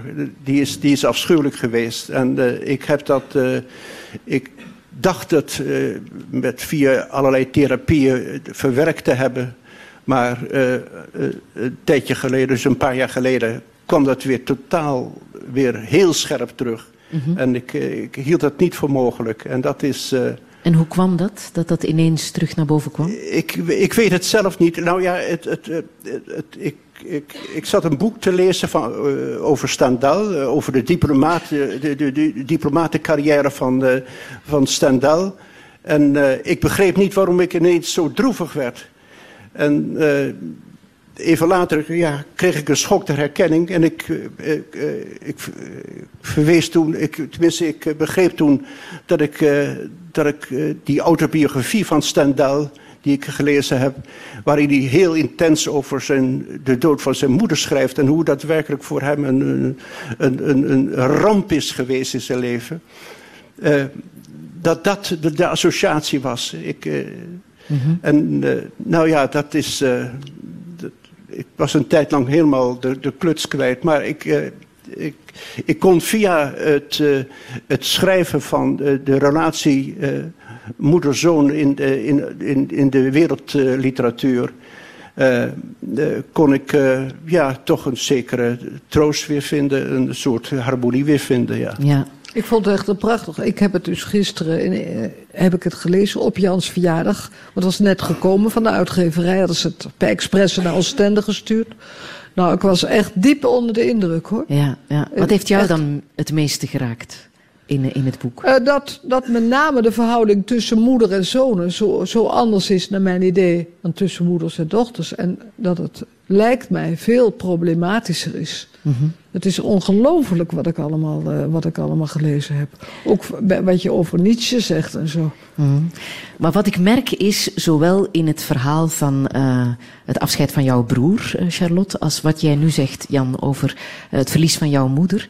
Blijkbaar zijn we zo slecht voorbereid op de dood. Moeten we ons beter voorbereiden als mens op, op de dood van geliefden, van ouders, van kinderen, van broers, zussen? Een soort doodsvoorlichting. Wat vind jij daarvan? Ik geloof het. Ik, ja, het, ik denk niet. eh, eh, ik ben een tijd lang eh, als ik ben katholiek opgevoed. eh, ben ik misdienaar geweest. En ik moest dikwijls eh, bij overlijdensmissen moest ik, eh, moest ik eh, bijwonen als misdienaar.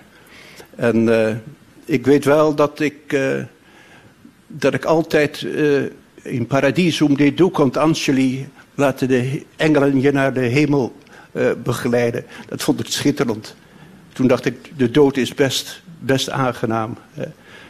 Maar, ja, sinds ik eh, ja, niet meer gelovig ben, eh, is, dat, is dat weggevallen. En is, dat, is de dood echt iets dramatisch, ja. En ik... Dat is het ook, ja. Ja. Ik ben ook altijd jal jaloers, eigenlijk in zekere zin jaloers geweest. Geloven lukt mij ook niet meer. Ik ben ook katholiek opgevoed. Dat lukt gewoon dan niet. Maar ik hoorde ook van die, mijn, mijn oma bijvoorbeeld is ook op 54 eh, al in het ziekbed gestorven en zo. En dan hoor je van, van, je, van mijn vader hoorde ik. En met de rust. En ze liet gewoon de rozenkrans tussen de handen doen. En, eh, en ze wist gewoon dat ze in de hemel zou komen. En dan denk je, het is toch niet waar dat, dat die mensen gewoon het he- helemaal niet erg vonden om dood te gaan. Dat kan je niet, dat kunnen, ik kan me dat niet voorstellen, maar ja, dat is de prijs die je betalen moet als je van, van het leven houdt. Maar moeten we ons beter, moeten we ons beter voorbereiden op, op de Ja, hoe dood? zou je dat dan doen? Dat vraag ik jou. Hoe zouden we dat kunnen doen? Ik, Ja, weet, ik weet niet. Ja, ik lees op, op het ogenblik, en dat is heel vruchtbaar, eh, ja, Seneca, het, eh, het, over het stoïcisme. Leren sterven, heeft hij Eerlijk, geschreven. Ja, ja. precies. Ja. De, over de, ja, de rust die je kan vinden toch eh, door te accepteren dat je doodgaat. Ja. En dat eh, die stoïci, dat is, het is toch fenomenaal. Dat is toch zoveel eeuwen geleden. En Mhm. zo'n erudite man die daar werkelijk het, het briljant verwoordt... eh, hoe je je moet gedragen eigenlijk eh, als je voor het laatste moment staat. Ja, Mhm. ja. Want dat heb jij ook meegemaakt toen je in het ouderlijke huis eh, ging opruimen na de dood van je broer. De doodsgeur die in het eh, huis hing, eh, het stof, de jas die nog aan de kapstok hing. Ja, maar dat- eigenlijk maakt op mij heeft qua dood de, de meeste indruk gemaakt, omdat het de eerste was. Toen ik acht jaar was en mijn opa in België overleed. En die was in Capelle een heel eh, ja, vooraanstaand burger, zou ik maar zeggen. Die, eh, weet je wel, eh, die gaf dan geld aan de Welpen en de PTT of de Harmonie. En toen liep, het, liep dus dat hele dorp met allemaal fanfares en vaandels uit. Je gelooft het niet. Dus ik dacht, dat is de dood. Zo gaat dat altijd. Dat kwam een heel verwarrend gevoel. Ik was heel verdrietig. Ik dacht, ik kom nooit meer op Plantijn terug. Daar was ik heel erg bewust van. En dan aan de andere kant een enorme stoet met, met ja, nog nooit zoiets meegemaakt. En toen werden wij als kinderen eh, ergens geparkeerd tussen het kerkhof en de kerk in, omdat wij er niet bij mochten zijn, omdat de begrafenis iets heel vreselijks was. Dat was dan weer heel griezelig. En toen, dan voel je voor het eerst wat dat is, dat ineens iemand er niet meer is. De eerste keer, dan Ja. vind, dat, dat, eh, dat vond ik wel het treffendst. Hoe zou jij het liefste willen sterven? Ik weet het niet zo precies, maar Jan bijvoorbeeld, jij zou het liefst heel vlug willen sterven, hè? Nou, gewoon, ja, maar ik bedoel dat je opeens een hersenstrook krijgt en je bent in één keer weg. Of een hartaanval, je bent in één keer weg. Kan ik me voorstellen, maar ik weet het niet of ik dat voor mezelf zou willen. Jij wil dat nog steeds, hè? Pra- praten jullie daar vaak over? Ja, tuurlijk. Ja. Dat moet je op onze leeftijd toch Ja. wel doen? Wat blijft er over na Charlotte Mutsaars? Kun je het er niet een beetje minder lugubere kant op sturen? ik vind het niet zo, eh, ik vind het niet zo prettig eigenlijk. De boeken in elk geval? Ja, natuurlijk. Ja. Nou ja, dat, dat kan iedereen zich afvragen. Het, eh, je moet, het, het gaat toch wel om het hier en het nu. Ik vraag het omdat je ooit hebt gezegd, na mij de zondvloed. Het is wel goed voor de aarde misschien. Maar meen je dat? Hè? Meen je dat? Na mij de zondvloed? Ach, dat heeft iedereen een beetje. Je hebt, je hebt gewoon het idee, het houdt, als het in jou ophoudt, houdt het naar je idee überhaupt op. Bovendien heb je natuurlijk, als je bewust doodgaat, maar dat bijt je als je doodvalt. Maar dan, als je bewust doodgaat, heb je natuurlijk een hevige jaloezie op iedereen die blijft leven. Dat kan je niet goed uitstaan. Tenzij je dan opeens een heel mooi karakter hebt gekregen. Dat weet ik dus niet. Dat weet ik niet. Charlotte, zullen we nog heel vrolijk eindigen met een eh, nummer dat je hebt gesuggereerd, maar je moet wel even uitleggen waarom. Vrouwen sind zum Kussen. Ah, dat is er van een Duitse cabaret. Dat vind jij ook zo leuk, hè? Vrouwen, Dat is toch vrolijk, hè? Vrouwen zum Kussen, da, la, la, la, la, la, la. Nou, laat maar. Gewoon, gewoon laten horen en in Ja, vrolijkheid dan eindigen. weten we weer waar waar de vrouwen voor zijn. Voilà, voilà. Dankjewel Charlotte Mutsaars en Jan Fontijn.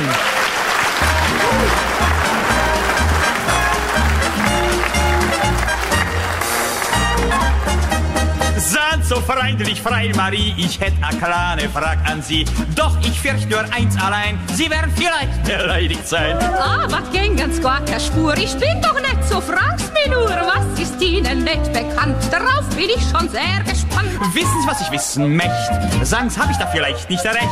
Frauen sind zum Kissen da. Freilich ja, freilich ja, aber nicht für jeden. Nur darüber lässt sich reden. Schauen, wir sind uns doch so nah. Freilich ja, freilich ja, darum rücken's weg. Es hat doch wirklich gar keinen Zweck. So ein fesches Mädel und so ein fade Gerede, wo heit so viel gebussert wird. Ich weiß, wohin das führt. Ja, Frauen sind zum Kissen da. Freilich ja, freilich ja, doch sahen wir nicht im Wald. Na, als dann scheren, dann lass mal's halt. So kann das nicht weitergehen, da muss doch irgendwas geschehen. Schrecklich ist's mit diesem Mann, jetzt fängt er wieder damit an. Ach, lass uns diese Rede rein, was einmal sein muss, das muss sein.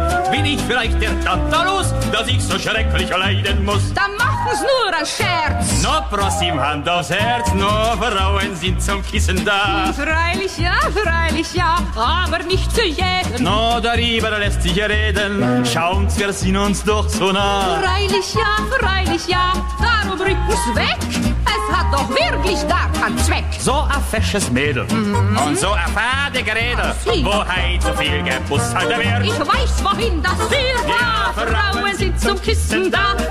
Vrouwen zijn zum Kissen da. Dat is de vrolijke noot hier eh, in de Grote Post in Oostende.